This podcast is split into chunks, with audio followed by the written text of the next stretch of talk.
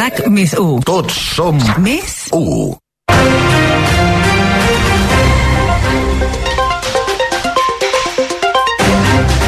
Acaben de tocar les 3, és moment d'actualitzar la informació en aquest racó migdia encapçalat a aquesta hora per les pluges. I és que hi ha ruixats sobretot a les comarques gironines i l'Alt Maresme amb certa intensitat, segons la zona aigua que cau en la situació d'emergència per aquesta sequera és més greu i aigua que es mantindrà encara les properes hores, Xavi Segura.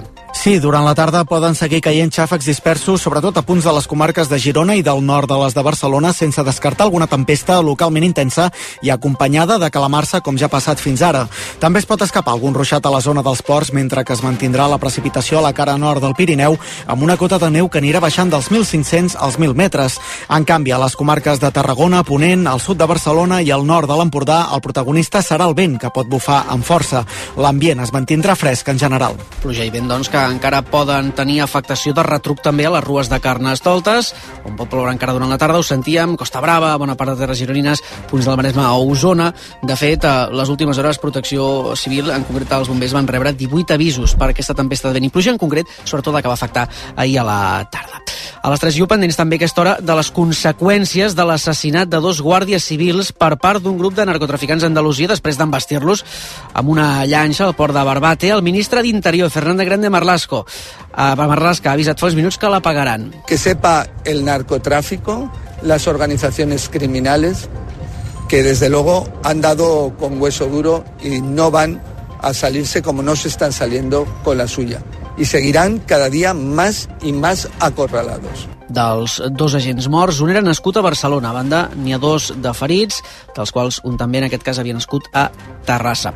De la crònica internacional, Egipte diu que les negociacions per una treva al Pròxim Orient es troben en punt mort i avisa que l'ofensiva que prepara l'exèrcit d'Israel al sud de la franja de Gaza allunya encara més la possibilitat d'un alto al foc. El ministre d'Exteriors d'Egipte ha rebutjat els plans de Benjamin Netanyahu per envair la ciutat de Rafah i denuncia que formen part d'una política sistemàtica per desplaçar els palestins. Mentrestant, els atacs israelians no s'aturen. De fet, el darrer estat d'aquest migdia no ja a Gaza, sinó al sud del Líban. Almenys dues persones han mort a causa de l'atac d'un dron de l'exèrcit hebreu. Als esports, protagonisme pel Madrid-Girona. Els blancs perden Rudiger i es queden sense centrals per jugar aquesta tarda contra el Girona. L'alemany té una lesió muscular a la cuixa esquerra i és baixa d'última hora. Ahir Nacho ja no va entrar en la convocatòria. Per tant, avui Ancelotti haurà d'alinear Chouameni Carvajal a l'eix de la defensa. El Madrid-Girona dos quarts de set en directe a RAC1.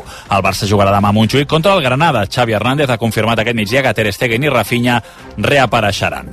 A aquesta hora, un partit en joc de primera divisió, el descans empat, a la vez 1, Villarreal 1. I a la Premier acaba de marcar Haaland, City 1, Everton 0 a 20 minuts pel final. A segona divisió, l'Espanyol pot dormir en zona de descens directe si guanya aquest vespre a partir de les 9 al camp del Racing de Santander, el dia que els catalans Mireia Hernández i Denis González han aconseguit la medalla de plata a la final de duet mix lliure de natació artística dels Mundials de Doha. Les 3 i 3 tanquem aquest racó migdia que hem fet amb l'Adrià Gil i en Marc Selva al control tècnic. A partir d'ara continuarem pendents de l'actualitat, els avanços informatius. A partir de les 4 al Superesports i a les 11 el Tu diràs. I nosaltres que tornarem demà a les 2. Ara arriba el viatge bé amb l'Ester Muñoz. Que vagi bé. Teniu la maleta a punt, oi? Perquè ara mateix sortim de viatjar. A RAC1, Viatge bé, amb Esther Muñoz.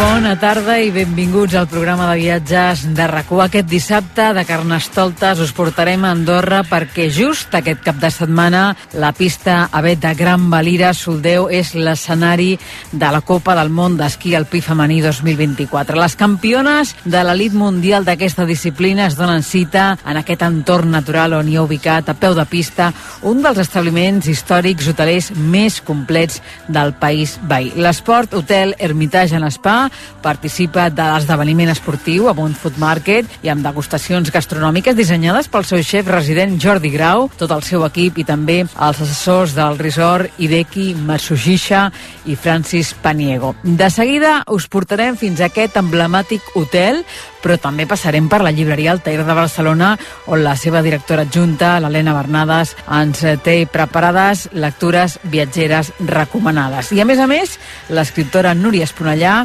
ens portarà de ruta cap al Matarranya. Preparats per les nostres escapades? Doncs comencem.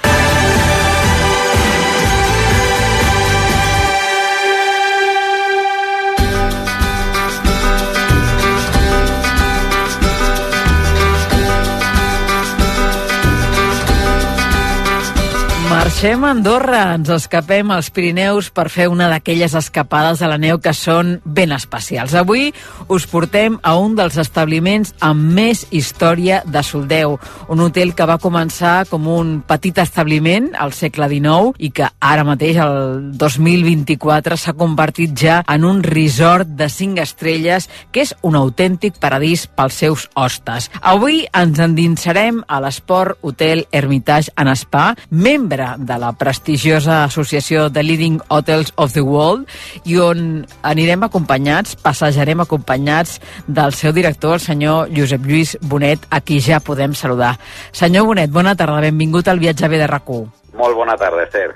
Primer de tot, m'agradaria saber, Josep Lluís, com va la temporada d'esquí, no? Perquè el vostre hotel es troba a Gran Valira, just a peu de pistes. Eh, són molts els esquiadors que us trien per fer-hi estada, no? I, clar, jo pensava amb el canvi climàtic, amb tot això, amb aquests problemes que hem tingut, de que no plovia, de que no nevava, de que ha costat que arribés la neu, això us ha influït a vosaltres, eh, per exemple, en el perfil dels clients que heu tingut eh, els primers mesos de temporada d'esquí? Sí, efectivament, ha costat eh, que, arribés, que arribés de neu i la temporada habitualment eh, comença pues, a principis de desembre. És veritat que històricament eh, la temporada d'esquí, com es diu, començava per les dates de Nadal, però els darrers anys eh, s'havia avançat pel pont de l'Immaculada i oficialment les pistes sempre obrien o obren a finals de novembre, principis de desembre, tots eh, amb, amb la il·lusió ja de poder començar a fer les, les primeres baixades, provar les primeres neus, però, eh, efectivament, eh, potser degut al, al canvi climàtic, doncs ha costat més i aquest, aquest mes de desembre el, el perfil del client sí que ha variat una mica perquè era conscient de que eh, l'estat de les pistes no era el, el més òptim, encara que sí que es podia esquiar més del, aproximadament el 50%, uh -huh. eh, però bueno, l'esquiador pur i dur el que vol és, és molta neu, neu de molta qualitat, l'entorn, l'entorn complet, eh, completament blanc, que bueno, és, és lògic, no? Encara així, sí que, sí que es va mantenir una bona ocupació al mes de desembre, a, a principis, eh, bàsicament, però també el perfil eh, ha canviat, eh, efectivament, com dius, cap a un perfil més, més familiar, hi ha moltes trobades, són, són dates molt properes al Nadal, eh, les famílies estan avui en dia molt més disperses que, que fa 10 o 15 anys, els nets, els fills, els padrins, i la veritat és que s'ha convertit el destí al resort en un, en un punt de trobada familiar més enllà de lo que són les activitats pures i dures de, de l'hivern, degut, molt bé, molt degut bé. també a les activitats que, que oferim. Clar, s'ha de dir per la gent que s'estigui plantejant de descobrir-vos i tenint en compte doncs, això que la temporada de neu es va endarrerint, que el mes de desembre és un mes molt bo per visitar-vos perquè teniu l'hotel eh, completament decorat de Nadal i és preciós, no?, aquesta combinació del Nadal i, aquest espai que és un espai de muntanya encantador. Sí, així és. Eh, posem molts esforços en, en aquesta època perquè entenem que, el, que els nostres clients eh, pues, ho esperen i, i efectivament gràcies a l'artífex de, tot, de tot això de la, de la decoració de és? Nadal és, és la senyora Carme, és la, és, és, és La propietària. És la propietària i posa cos i ànima eh, des del mes de gener que és quan prepara la decoració de l'any vinent, o sigui, del, del, del Nadal en curs. Sí, sí, la veritat és que hi ha un esforç al darrere eh, molt important, molt sacrificat, molts mesos, de pensar, de buscar i de tenir noves idees i, bueno, el més, lo més agraït és, és rebre el reconeixement dels clients, no? Uh -huh. Els propietaris que són un, una família d'allà, no?, de Soldeu. Sí, sí, sí, és una família de soldeu que mm, està datada aquí fa més de, fa, fa més de 400 anys, o sigui que estan molt, molt arrelats aquí. Doncs escolta'm, Josep, eh, t'estava preguntant eh, per tot el tema de, de la neu. Ubiquem una miqueta els oients. Eh, L'Ermitage es troba a uns 20 minuts aproximadament d'Andorra la Vella, a uns 1.850 metres d'altitud. Quina extensió exactament eh, teniu de pistes? Quina extensió oferiu als amants de, de l'esquí? Les, doncs les pistes de Gran Valira, que com bé dius les tenim just al davant de, del resort, a dia d'avui compten amb 215 quilòmetres esquiables. És un dels dominis més grans d'Europa. De, eh, tot connectat, tot connectat amb pistes i remuntadors, no amb, amb autobusos ni altres mitjans de transport. I, bueno, la veritat és que el domini és, és molt, molt, molt extens i és eh, pràcticament inacabable en una setmana, no? És, és una varietat de, de pistes tant pels principiants com els més experimentats que és una experiència molt, molt, molt gratificant. Sí, sí, perquè a més a més Gran Valira ha anat creixent, no? Jo recordo des del primer cop que hi vaig anar eh, fins ara les últimes vegades, clar, s'ha anat extenent, ha anat agafant més terreny cada cop. Sí, ha, ha anat agafant més terreny, però sobretot han agafat més, eh, més qualitat. Tota la, totes les instal·lacions, els remuntadors, els canons de neu són de darrera generació.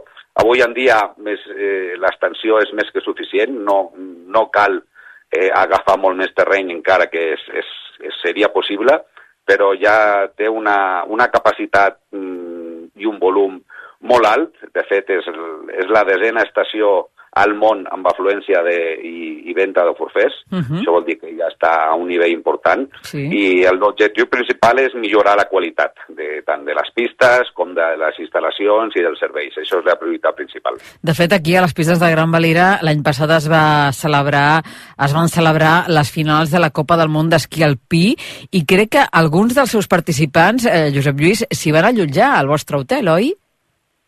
Sí, així és. Nosaltres tenim el, més concretament l'equip eh, nord-americà i, i alguns equips nòrdics.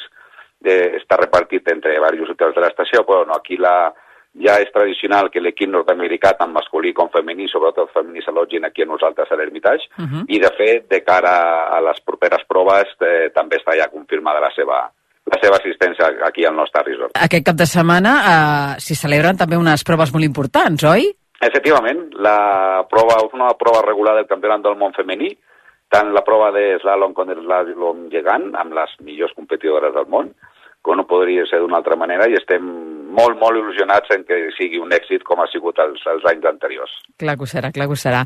Doncs, Josep Lluís, també m'agradaria repassar amb tu doncs, una miqueta mmm, quin és el pla que oferiu doncs, a les persones que s'hi allotgen al vostre hotel Uh, però que no, que no esquien, no? Perquè sí que sé, em consta que uh, les persones que es queden amb vosaltres els oferiu un forfet gratuït per esquiar a Gran Valira, no? Com, com funciona exactament aquesta opció? Sí, tots els, tots els clients que s'allotgen al, al nostre resort, a partir de dues nits d'estada, disposen del forfet per esquiar de manera, de manera gratuïta. Això, això està inclòs, és un programa, una proposta que tenim fa, ja fa unes temporades i que la veritat funciona, funciona molt bé, no és obligatori fer-lo servei cada dia, és una, és una comoditat, és un servei per al client.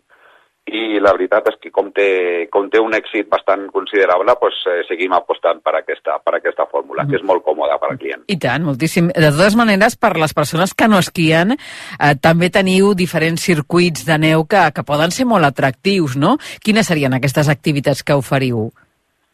totes les activitats relacionades amb l'amneu que no sigui baixar, baixar per les pistes, pues la veritat és que les oferim amb el nostre propi equip d'activitats, ja siguin passejades en, en raquetes de, de més o menys intensitat, de més o menys nivell, però apta absolutament per tots els públics, des del nen petits fins a la gent més, més, més, més gran. Tampoc no cal estar en una forma eh, de gimnàs d'anar a diari, i són passejos per la natura realment eh, espectaculars a partir d'aquí també tenim l'esquí de muntanya, eh, que tampoc requereix d'una tècnica molt depurada i és una manera de mantenir-se en forma. Les, eh, les motos de neu, inclús passejades eh, nocturnes també per, per veure els cels estrellats. Això són les activitats que més, més èxit tenen dintre de, del nostre resort a lo que és l'exterior de les, I de tam les activitats. també hi ha les rutes amb mushing. També hi ha les rutes amb mushing, que efectivament, un altre altra activitat molt popular, sobretot amb els nens, però que els adults tor tornen igual d'encantats, també. Mm -hmm. I aquí l'avantatge és que és el que explicàvem, no? que clar, al tenir l'hotel a peu de pista, ràpidament eh, al matí et prepares amb tota la roba, amb tot l'equip d'esquí, però és que quan tornes ja cansat de tota l'activitat, de seguida ja et prepares i després d'aquesta jornada, què millor que relaxar-se a l'espa de l'Ermitage, que realment és un lloc increïble. Sí, la veritat és que és un espai eh, fantàstic, un, un complement eh, molt important pel nostre resort i que, i que els, nostres, els nostres clients valoren moltíssim, eh, ja sigui després d'una jornada d'esquí, d'una jornada d'activitats o inclús d'una jornada simplement de relax, no? del matí de lectura, un bon àpat, un, una bona migdiada i després una bona estada a l'espa és un, és un element fundamental per la, per la nostra oferta i pels nostres clients. Mm -hmm. Una estada d'espa que pot consistir en, diguéssim, la, la ruta pel que són les zones d'aigües, però eh, també doncs, eh, doneu la possibilitat de poder fer alguns tractaments. Teniu diferents serveis de tractaments. Sí, tenim una oferta molt, molt completa. La veritat és que disposem de 24 cabines, una d'elles eh, doble, i, i la veritat és que l'esquiador eh, la gran majoria l'esquiador i el no també, pues, té una molt, molt bona acollida, perquè no oblidem que la gent eh, ve aquí a, a, a, a gaudir, però sobretot a, re, a relaxar-se i a passar una bona estada, ja sigui amb família, amb amics o, o simplement sols, que també també n'hi ha d'aquests a descansar, a gaudir de, del paisatge des de la finestra de, de la mateixa habitació, perquè expliquem una miqueta, l'Esport Hotel Hermitage té els seus orígens a l'hostal Can Calbó, que, que tenia només 18 habitacions, però ara mateix s'ha convertit al segle XXI ja en un resort que compta amb hotels de diferents categories que, a més a més, estan comunicats entre ells, no? Quins són aquests establiments, Josep Lluís? Mira, nosaltres disposem actualment dintre del resort i, com bé dius, tot comunicat,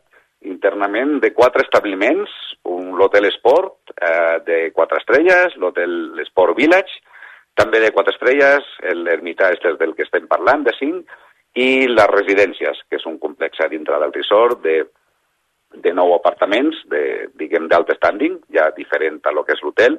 Mm, és, un, és una categoria de cinc estrelles, però amb una mida que l'apartament més, diguem, més petit són 120 metres quadrats. Tots mm -hmm. aquests quatre estan, estan integrats al, al resort aquí a Soldeu. Les residències eh, són, eh, diguéssim, eh, allotjaments on un mateix eh, s'ho fa tot o també disposeu d'algun servei que, que ens pot ajudar d'alguna manera? Les residències disposen de tots els serveis que disposa l'Hotel Hermitage tenen accés a l'espa, tenen accés a l'esmorzar, poden fer a l'hotel, poden fer a, les, a, la, a la residència, disposen de majordom, és un, diguem, per entendre'ns, és un 5 estrelles plus. Evidentment, estan equipats uh, completament i el, el que ho desitgi es pot fer perfectament el, el, el dinar, el que vulgui. Són, són apartaments completament preparats per, per viure llargues estades. Uh -huh.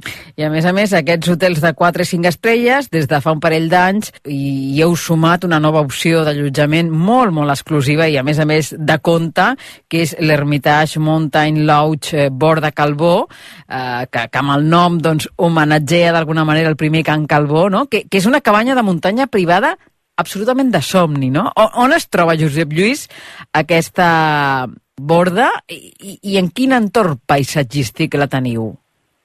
Eh, aquesta borda eh, es troba literalment a les pistes de Sol de Voltarte. Eh, quan dic literalment és que surts esquiant i entres esquiant de la borda per la pista que va de Sol de Voltarte.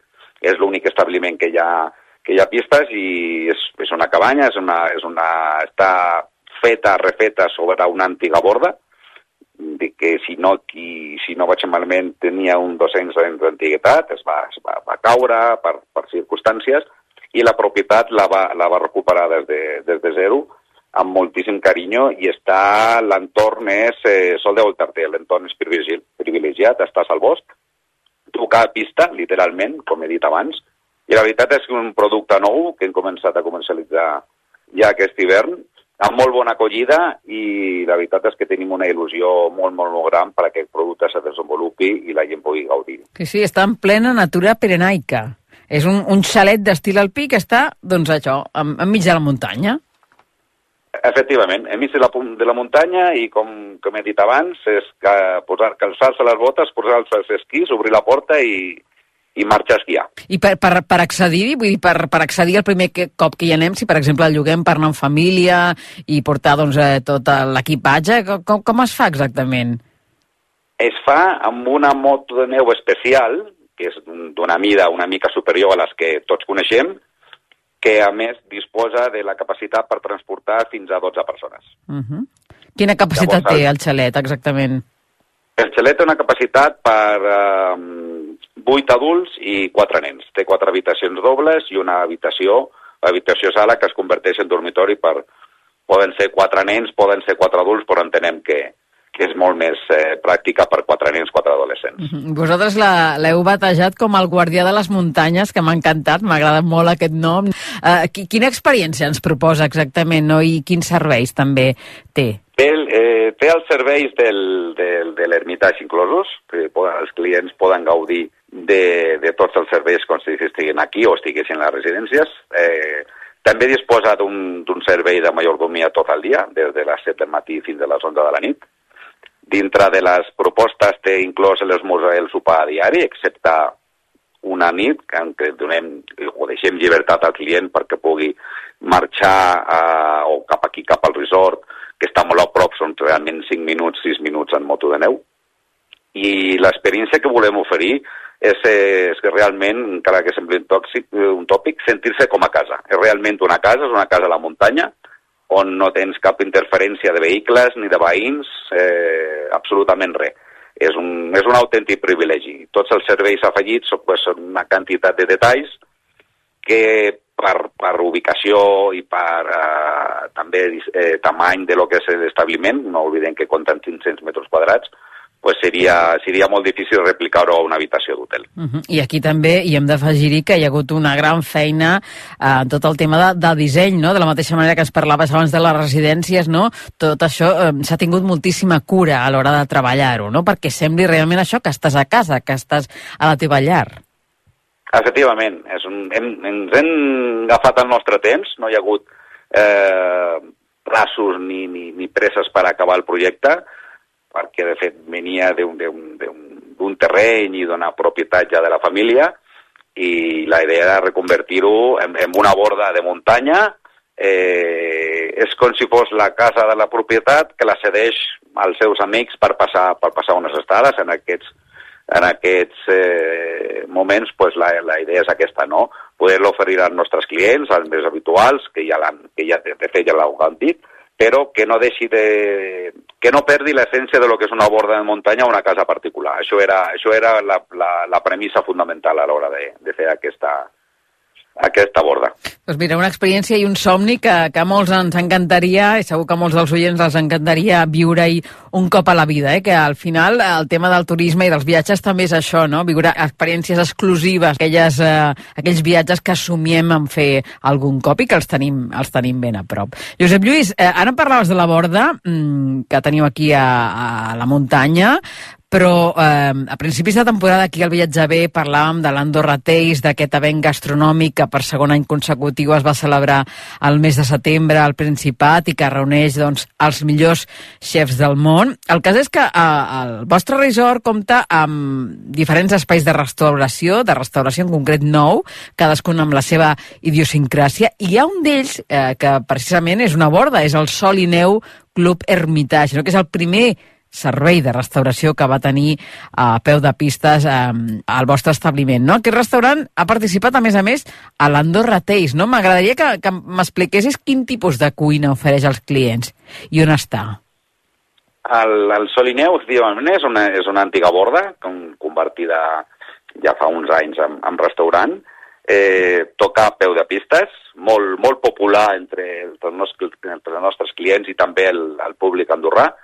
I, I la cuina que oferim és una cuina de muntanya, cada vegada més enfocada al, al, al producte andorrà, que és molt, evidentment molt, molt, molt semblant al producte català i amb algun, algun, algun guiny al, al producte francès, però, eh, com deia, molt, una cuina molt casolana, molt, molt popular, eh, molt de producte, molt de veritat, veus perfectament el, el que menges, i, i com he dit abans, de muntanya. És, és un restaurant que obrim tot l'any, independentment de, de la temporada d'hivern o d'estiu, eh, i la veritat és que s'ha convertit en un dels restaurants més, més acollidors i amb més eh, afluència d'aquí de, del Principat. Cuina quilòmetre zero i això també doncs, amb vistes amb una terrassa a les pistes, a l'hivern amb la neu i a l'estiu doncs, eh, mm, tota rodejada de natura. Efectivament. Uh -huh. Però després, pels amants de la cuina japonesa, eh, també teniu propostes, no? Quines són aquestes propostes? Bueno, aquí a dintre de l'Hotel Hermitage disposem d'un restaurant japonès que es diu Koi Hermitage i que dirigeix eh, amb, amb, amb maestria i amb un gran, amb un gran carinyo el xef eh, japonès establert a Barcelona, el Hideki Matsushida, que té també el restaurant de Barrios, entre ells el més conegut, el Koi Shunka. Eh, Estrella Michelin, és Estrella Michelin, ell, oi que sí? El, ell, és, ell és estrella Michelin a Barcelona, efectivament, Uh -huh. i el restaurant d'aquí a, a dia d'avui està recomanat també per la guia Michelin. La relació amb, amb el Hideki ja ha complit 10 anys i la veritat és que estem molt, però molt contents, tant per la qualitat de, de, de producte final que gaudeix el client, com de la relació personal que és eh, de, amb aquest xef, que és una grandíssima persona. I la veritat és que podria dir que a dia d'avui és el restaurant amb més èxit de, de tot el resort. Està molt consolidat i estem molt, molt, molt satisfets. Alta cuina japonesa, home, 10 anys es diu aviat, eh? Hi ha una dècada de col·laboració. Sí, sí, sí, és, és com un matrimoni i la veritat és que molt, molt, molt ben avenits i, i la veritat és que també el xef està molt integrat, no és, té els seus, eh, o lògicament és, és, és uh, cuina japonesa, però eh, també té productes d'aquí del país, té petits eh, detalls en plats que realment doncs, nosaltres també ho agraïm i, i ell també, no?, perquè pot experimentar nous, nous productes per a, per a la nostra clientela. -huh. I de l'Ibaya, què ens pots explicar del restaurant Ibaya? I vaja, la veritat és que, bueno, se'ns encenen una mica els ullets, no? Fa dos anys ens van otorgar la- l'estrella Michelin, de la que estem, lògicament, molt, molt satisfets. I aquí sí que hem donat un pas i estic molt, molt, molt satisfet de dir-ho, no? Perquè el, el xef assessor és el Francis Paniego, que és, és de La Rioja. Molta gent pensava eh, que fa un noi de La Rioja aquí al Pirineu, a Andorra, que té que veure... Bueno, la veritat és que van buscar un, un, un company de viatge eh, amb unes eh, peculiaritats, no només a nivell cuina, sinó també a nivell personal. El seu producte, salvant les distàncies, eh, ha una mica i el tamany és molt semblant al que oferim aquí.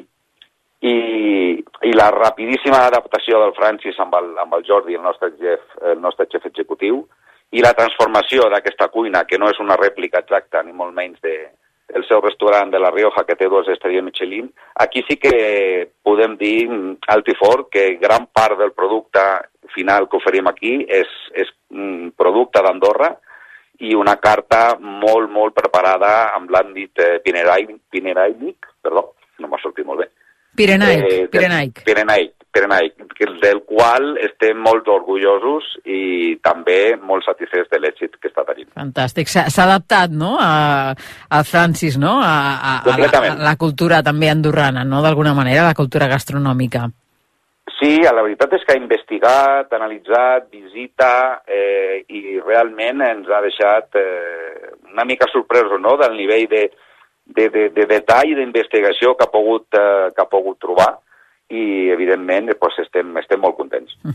Josep Lluís, hem parlat molt d'activitats d'hivern, eh, però també m'agradaria que, que, que ens diguessis no, què podem fer a l'Ermitage fora de temporada, que crec que també és un molt bon moment per visitar-vos, no?, a la primavera, a la tardor, potser quan hi ha menys gent, o, o, o potser, no, no ho sé, això, eh? Igual teniu la mateixa gent o la mateixa demanda que durant la temporada d'hivern i durant la temporada d'esquí. Què ens recomaneu?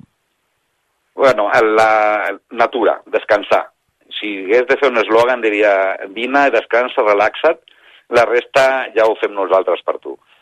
Que, bueno, la veritat és que oferim també moltíssimes activitats eh, relacionades amb la natura. Eh, sí que fem molt capeu que cap tingui cap tipus de risc. Aquí no, no, no volem entrar. Eh, I sobretot eh, és el venir a desconnectar la demanda no és la d'hivern, però la veritat és que ja fa uns anys que vam apostar per obrir pràcticament tot l'any i, i sí que aquí estem estem adonant de que el creixement de lo que és l'estiu la tardor mm, és exponencialment més important que el que podria haver ara d'un hivern a l'altre. Sí, sí, és que... fa... Sí, Digues, digues. eh, eh, això entre, pues, eh, hi ha molts factors, no? canvi climàtic, els, les calorades que hi ha al sud d'Europa, massificacions, etc. Nosaltres apostem per un altre tipus de, de, de, de turisme. No? Aquí eh, no volem ni esperem que se massifique mai.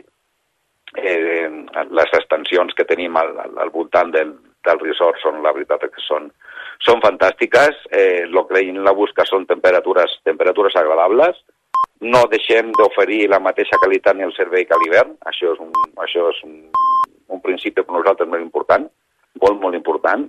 Eh, de fet, cada cop tenim més clients d'hivern que també venen a l'estiu, cosa que fa uns anys doncs, no, no ens ho podíem ni imaginar. Uh -huh. I, i oferim, com he dit abans, eh, des del nostre propi equip d'activitats, eh, moltíssimes eh, passejades, excursions, eh, rutes ferrates, guiades, etc etc, bicicleta, i, i també com a, com a punt curiós, però que també està ja bastant consolidat, Sí. és, el tema, és el tema del golf. Sí, és veritat, ho he vist. Ho he vist que compteu eh, amb un camp de golf que és el més alt d'Europa. Sí, efectivament, és el camp de golf més alt d'Europa. És un camp eh, atípic, per lo que... Per què? lo que... Primer per l'alçada. A quina alçada Perquè està? que- Està, el camp està a 2.250 metres d'alçada. Déu-n'hi-do.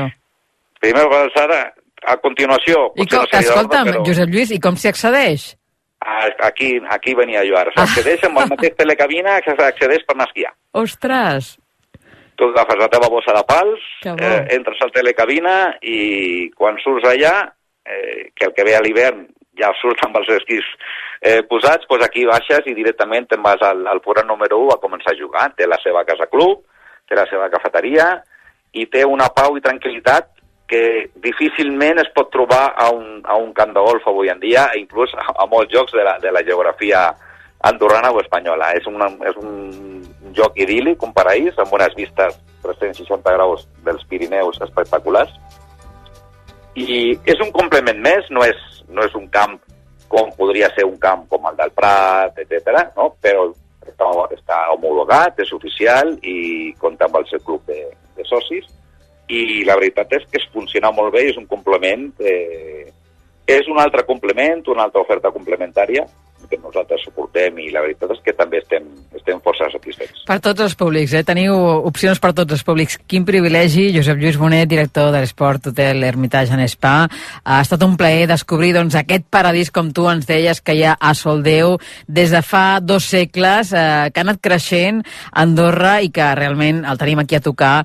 I doncs, eh, avui convidem a tots els oients de rac del viatge B que no el coneguin, que hi vagin ara a l'hivern o que aprofitin qualsevol, que aprofitin qualsevol època de l'any, perquè com estem veient, doncs el 2023 va ser un any boníssim pel que fa al turisme, al motor de l'economia, i el 2024 també pinta molt bé, i ara, doncs tots vosaltres ja, ja no tanqueu, vull dir, ja obriu els 365 dies de l'any. Pràcticament, pràcticament, la veritat és que només tanquem quan tanca l'estació eh, i obrim el, el dia 1 de juny. Estem tancats entre 4 i 5 setmanes a l'any únicament. Eh, quins mesos o quina època? Pues, eh, normalment de mitjans d'abril, quan tanca l'estació, i, i obrim ja fa, fa temps eh, l'1 de juny. I ja no parem. Doncs ens anotem les dates per saber-ho. Josep Lluís, eh, ha estat un plaer. Moltíssimes gràcies i fins molt aviat. Que vagi molt bé. Adéu-siau. Moltes gràcies.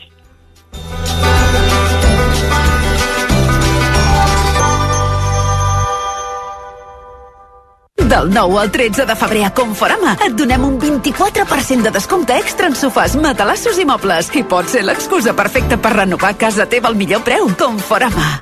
Vine a veure en primícia Auto 88, el nou Fiat 600, 100% elèctric. Més sostenible, més llibertat, amb fins a 600 quilòmetres d'autonomia, més tecnològic i amb una càrrega molt més ràpida. Apropa't i descobreix-lo a Auto 88 La Maquinista, concessionari oficial Fiat, i sol·licita el teu test drive a auto88.com. Només els més ràpids gaudiran d'ofertes increïbles al Cort Inglés. 15% de descompte addicional en grans electrodomèstics. Bosch, LG i Fagor. Una ocasió única. Consulta els models en promoció. Així són les ofertes límit al Corte Inglés. Fins a l'11 de febrer a la botiga web i app. Tots aquells que ja condueixen el número 1 se senten únics, especials. I ara, perquè més gent pugui sentir aquesta increïble sensació, Hyundai posa a la teva disposició el Tucson amb unes condicions immillorables. No esperis més i gaudeix ja de la increïble sensació de conduir el número 1 en vendes. Xarxa de concessionaris Hyundai de Barcelona. Passa't a la conducció 100% elèctrica de Mercedes-Benz amb els subcompactes EQA i EQB. Descobreix els 559 quilòmetres d'autonomia elèctrica de l'EQA o l'ampli espai amb fins a 7 places de l'EQB. Consulta les nostres ofertes i descobreix tota la gamma al teu concessionari. LG Barcelona, concessionari oficial Mercedes-Benz. Passeig Sant Gervas i 39 i Passeig Bonanova 13. Arriben els Suzuki Days. 3 dies de descomptes exclusius a la gamma Suzuki. Què? Doncs això, fins a 6.500 euros de descompte en vehicles en estoc i un bo de 500 euros de descompte addicional. Estrena Suzuki a preu imbatible. Imbatible! Suzuki Days. 21, 22 i 23 de febrer. Informa-te'n a Roma Kuruma Suzuki. A Barcelona, al carrer Potosí. També a Mataró, Sabadell, Sant Boi i Molins de Rei. Si aquestes són les reaccions dels clients de Mazda sobre l'atenció que posem en els detalls, Uau, que maco. mare meva! Quina qualitat. Imagina't com serà conduir els nostres cotxes. Mazda CX-30, el subhíbrid amb 6 anys de garantia i etiqueta eco.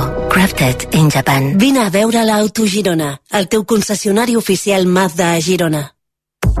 Atrevit, capaç, 0% emissions, fins a 610 quilòmetres d'autonomia, 100% Subaru. Així és el nou Solterra, el primer sub 100% elèctric de Subaru.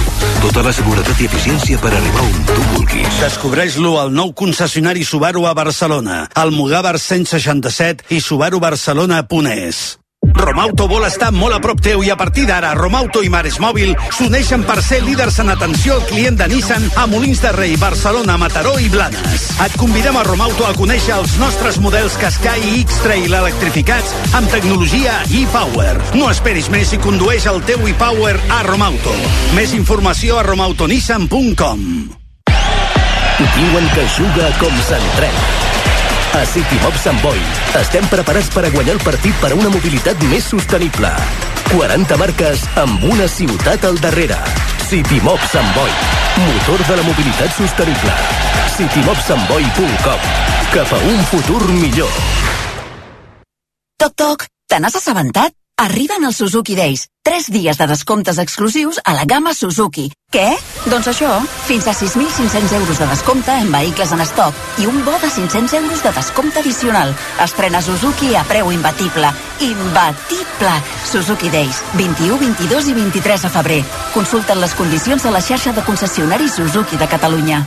Estàs pensant en canviar-te el cotxe? Fins a final de mes pots estrenar un Cupra amb el millor preu garantit. Sí, sí, el millor preu garantit. Cupra Formentor en estoc d'entrega immediata a partir de 29.000 euros. T'esperem a Ondinauto Cupra, Barberà, Sant Cugat i Manresa. No t'ho pensis. Vine i estrena un Cupra al millor preu garantit. Mundo Deportivo i One Sixteen presenten el màster final de The Paddle Cup by Cupra. El 17 i 18 de febrer al Bella Paddle Center d'Alacant s'enfrontaran les millors parelles del circuit de la primera edició, amb el patrocini de Cupra, Wilson, NTT Data, Intimíssim i Uomo, Mau, Adeslas i Alcom Viatges. Passi el que passi, no us perdeu cap detall de RAC1 amb rac1.cat. Descarrega. El portal de notícies de RAC1. Escolta. Tot l'univers RAC1 al detall. RAC1.cat. Descobriu la millor manera de viatjar a Viatge B.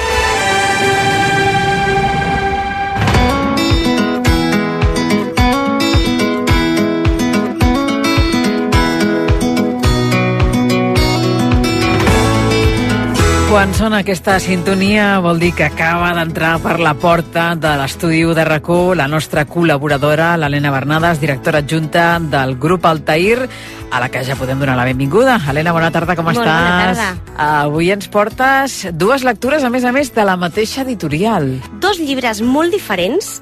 A l'hora de viatges els dos per motius ben diversos. El primer de tot és una novetat que acaba de publicar Rubén Díez, conegut en el món digital, Instagram i YouTube com a Lethal Crisis. Jo no el conec, eh?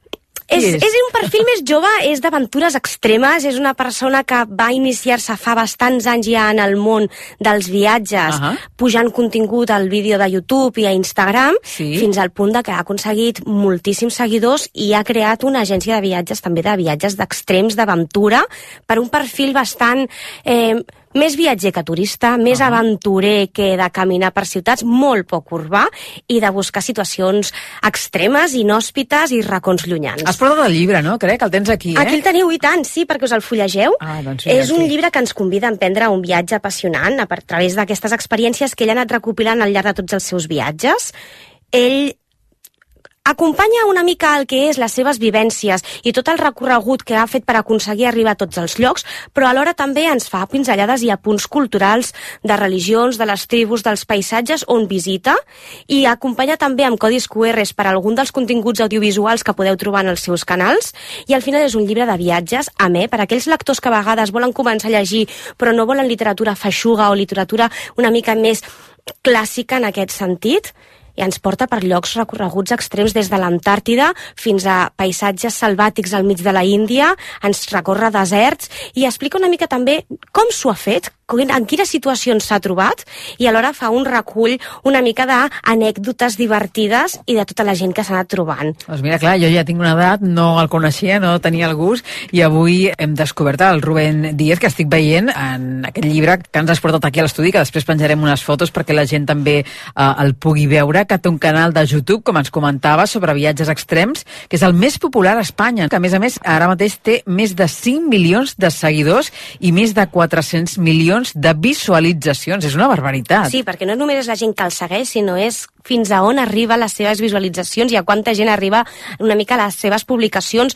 Ell va començar des de fa molts anys i aporta una trajectòria bastant marcada en tot el món del viatge i sobretot del tema d'aventura i supervivència, però més enllà d'això, fora del territori espanyol també hi ha molts seguidors que el segueixen i ell comença ja a ser una persona internacionalment coneguda en el món una mica això d'aventura extrema i fora del que seria viatge convencional. Explica aquí que diu, no me basta con hacer vídeos o investigar desde la comodidad del hogar, quería viajar y ver con mis propios ojos las cosas increíbles que había en el mundo y así lo hice. De eso, personajes y lugares fascinantes que conocí en primera persona trata este libro, no? És aquell llibre que a més a més recull moltíssimes històries i que ens porta fins a diferents llocs del món, no? Sí, quins? de fet, A quins? ell no només parla de llocs coneguts, com per exemple, bueno, coneguts i no tan coneguts, perquè Baja Califòrnia al final pot ser un lloc que moltíssima gent conegui, però hi ha molts racons de la Baja Califòrnia que ell en descriu uns quants. També ens n'anem a Kurdistan, que és un país molt poc conegut, fins fa ben poc que ha començat a ser una mica sonat entre alguns viatgers.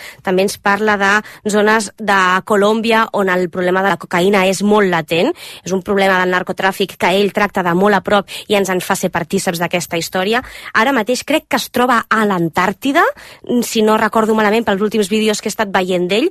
i El segueixes, eh? el seguim. De fet, al final pot penjar un contingut que pot ser més o menys afí a nosaltres, però les històries que explica són reals, al final ens acosta a moltíssims mons desconeguts, a cultures molt diverses, i també és una forma d'enriquir-se i de mirar el món amb uns altres ulls. Tot i que ell busca molt més el que seria la part aventura i la part de situacions extremes i de supervivència, no deixa de ser una forma de viatjar i també de posar-se en contacte amb moltíssima gent.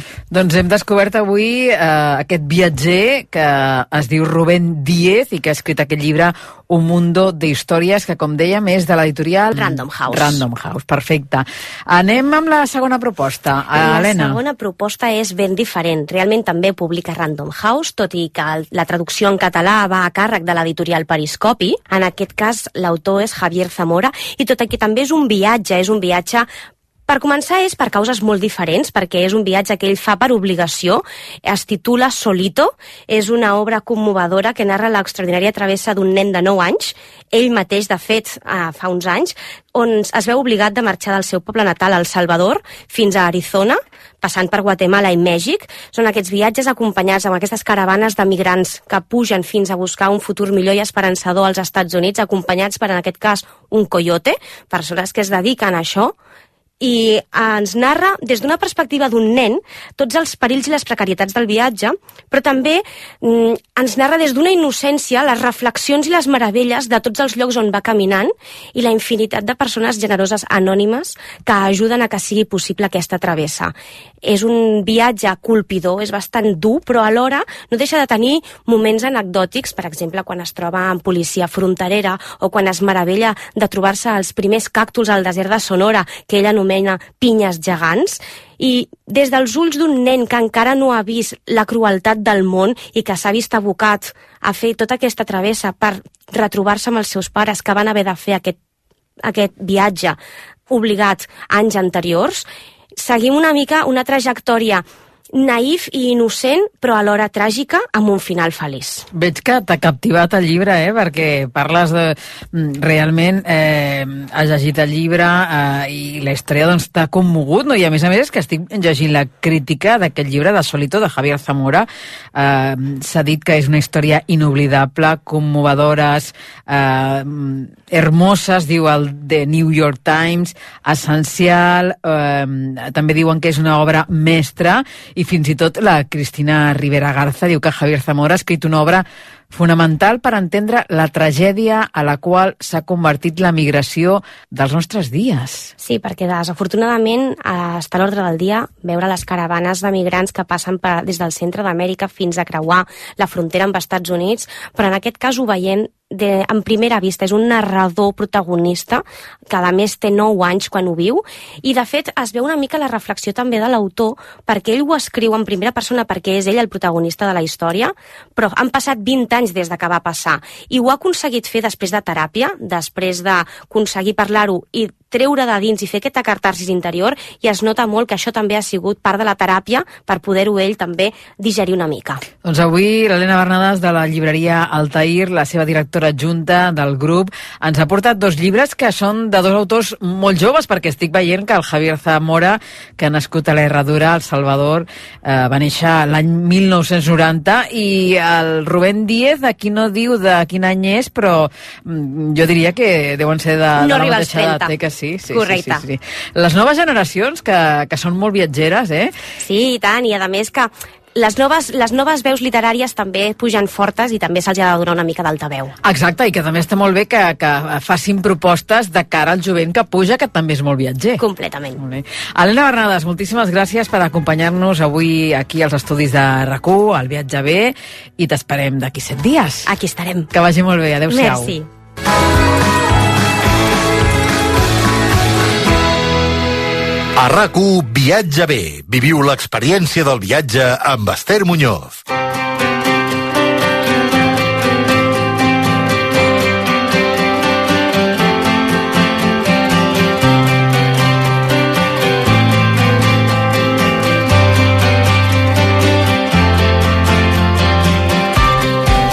Aquesta sintonia es trasllada al món de la natura i com ja sabeu doncs puntualment arriba aquí a l'estudi de rac l'escriptora, professora Núria Esponellà. Núria, bona tarda. Bona tarda a tots. Que Totes. fa unes quantes setmanes ens vas a explicar que avui ens portaries al Matarranya, però Sí. abans d'anar-hi vull conèixer una miqueta la vessant viatgera de Núria Esponellà, que ja portem unes quantes seccions i fins ara eh, ens has portat a prop de casa, però no sabem com és la Núria Esponellà viatgera. Com és, Núria? Mm, Jo, durant molts anys, mm, vaig fer viatges molt llargs, eh? Perquè Què vol dir, viatges no sola, llargs? Fins a més on? més, Fins amb on? el meu marit.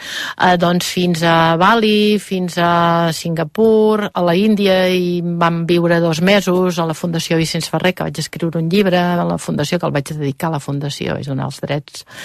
Eh, va ser una experiència molt impactant, eh, la Índia.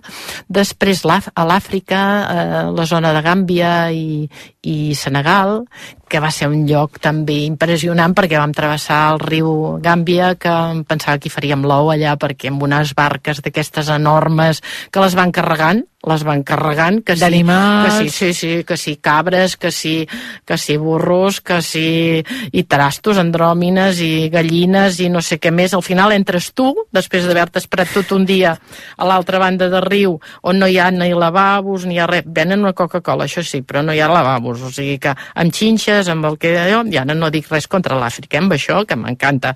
Però vull dir, la realitat va ser aquesta, no? Avui, per exemple, descobrirem, mm. doncs, per exemple, eh, temps en què es visitaven eh, túmuls prehistòrics. Sí, sí, sí. Avui, mira, tinc ganes de portar els nostres oients eh, als ancestres.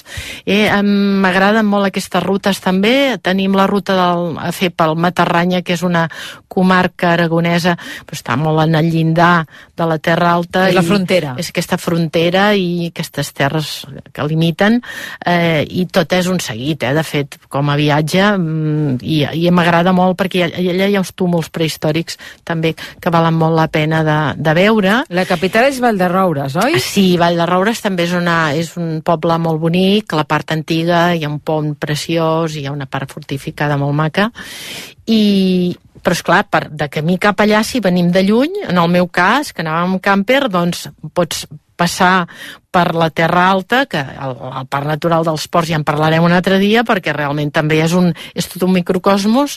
Eh, Horta de Sant Joan, Horta de, Jo, de fet, m'encanta aquesta zona. A Horta de Sant Joan van pernoctar. A Horta de Sant Joan hi ha un paisatge preciós, des de dalt del poble, on es veu ja... És, és magnífic, no veus la muntanya que se, on s'aixeca el convent de, de Sant Salvador, que, que, que, que venia de Santa Coloma de Ferrer Farners, Sant Salvador d'Horta. Eh? El van fer fora, la, la, es veu que imposava les mans, no sé què feia. El van expulsar, feia nosa, el, el van expulsar, el van posar cap allà, el van fer anar cap a, cap a Horta de Sant Joan. Allà nosaltres vam pernoctar. Després l'endemà vam esmorzar a Arnes, que és un altre poble que es mereix realment una visita, també és preciós. I després ja en direcció al Matarranya, arribar a Vall de Roures, veure Vall de Roures, pots també eh, doncs, dinar a Vall de Roures més tard, si en tornar de, dels túmuls o, o abans, això ja depèn del, de l'horari que fem ara que quan s'allarga ara la, les hores de sol de cara a l'estiu doncs tens temps de tot no? en un dia i Aleshores és agafar la ruta cap a Caretes, eh? Caretes. Caretes i és la carretera A1413 que va cap a Calaceit. Tot això també és un, és, és un paratge preciós. Eh, hi, ha molts, hi ha molts túmuls en aquesta zona i jo proposaria això, anar a Caretes. Eh, aquest, aquest és un punt en què, que s'ha arreglat, l'han assenyalitzat molt bé darrerament, en aquests darrers últims dos anys, i hem anat un parell de vegades, i deixar-la deixar en el pàrquing que hi ha a prop de la carretera i ja comences a caminar i està molt ben indicat. A fer-ho a peu tot, A fer-ho eh? tot a peu, sí, sí, això s'ha de fer tot a peu. I què veurem pel camí? Què veurem? Pel què ens trobarem? ens trobarem d'entrada uns terrenys diferents, no? Aquest bosc ressec, aquestes terrasses que a mi també m'agraden molt, de, de, de vinyes a vegades, eh, alguna olivera, el, la pine, les pinedes, els, aquests puig en, en pins i roques blanquinoses que brillen sota el sol.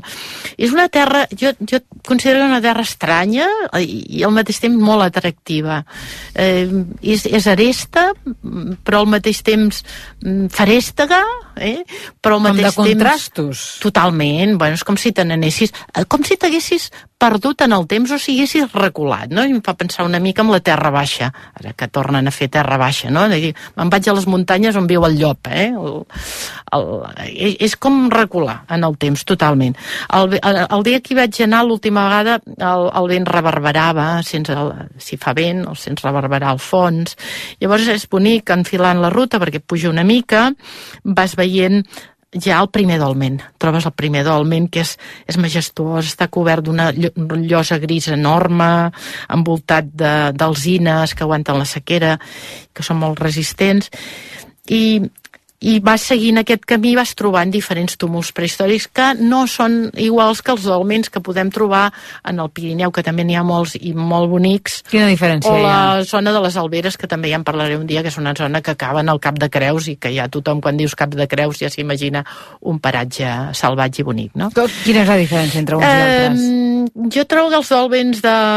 I ara parlo com a absolutament neòfita amb el tema de dolmens, no? No sóc experta, però els elements que jo conec més propers a l'Empordà, diríem, eh, són, molt, són més elevats, més alts. Eh? Les roques són més altes, aguanten el túmul queda més elevat.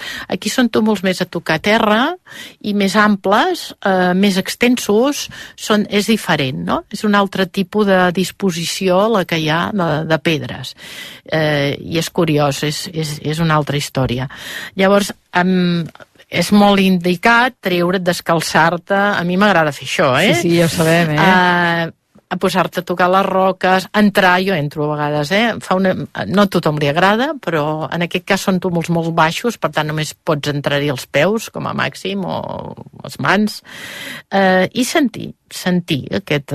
Encara connectes pedra. més. Sí, Connectes sí, sí, més amb la sí, terra. a mi m'agrada fer aquestes animalades que voleu que us digui, però és divertit i al mateix temps eh, sents una mica... En aquest camí també hi ha roques íberes amb casol, cassoletes.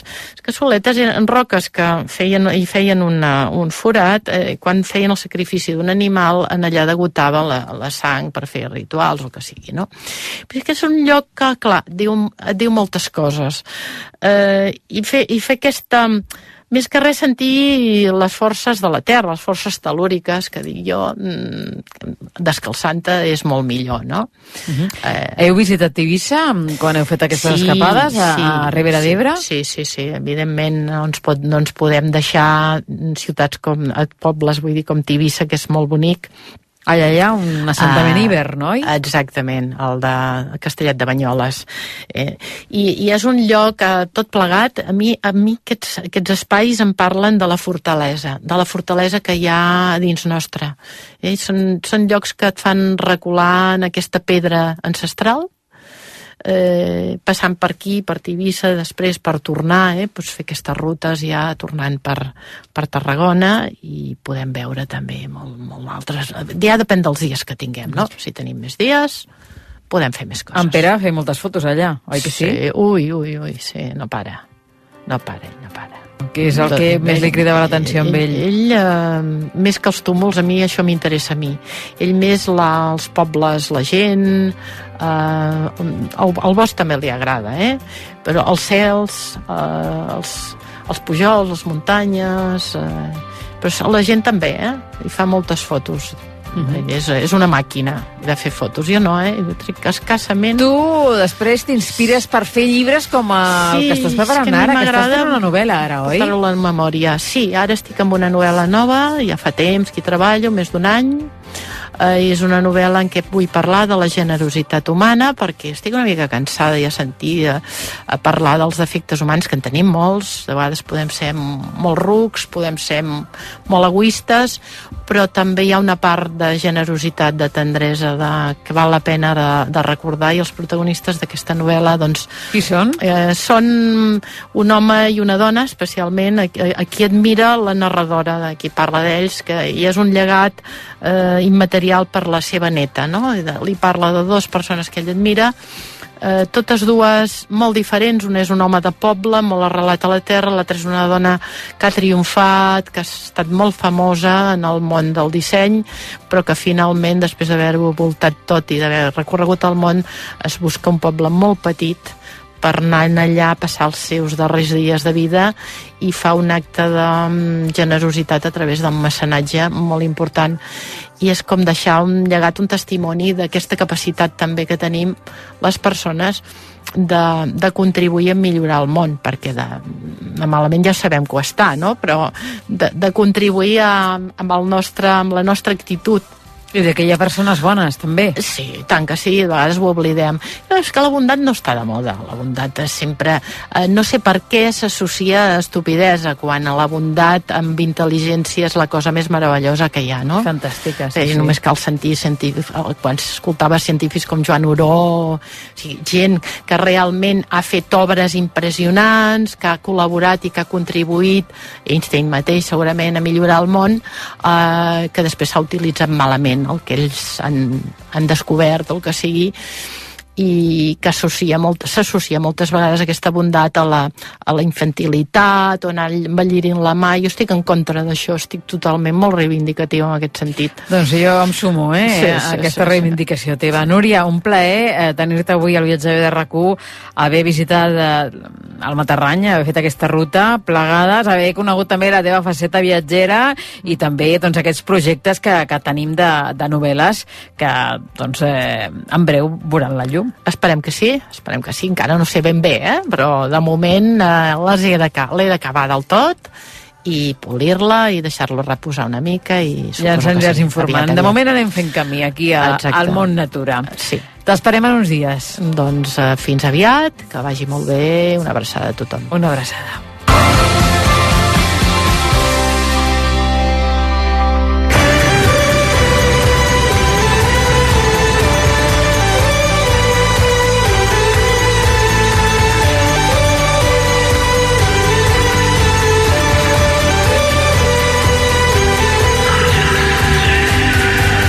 Fins aquí el segon viatge bé del febrer. Salutacions meves i del Daniel Puntiprans a la realització tècnica i no deixeu la maleta gaire lluny perquè el proper dissabte, 17 de febrer, a les 3 i 3 de la tarda la tornareu a necessitar. Que acabeu de passar un molt bon cap de setmana i ens retrobem d'aquí a 7 dies. Que vagi molt bé. Senyores i senyors, en nom d'Ester Muñoz, gràcies per viatjar en viatge bé a rac i fins dissabte que ve.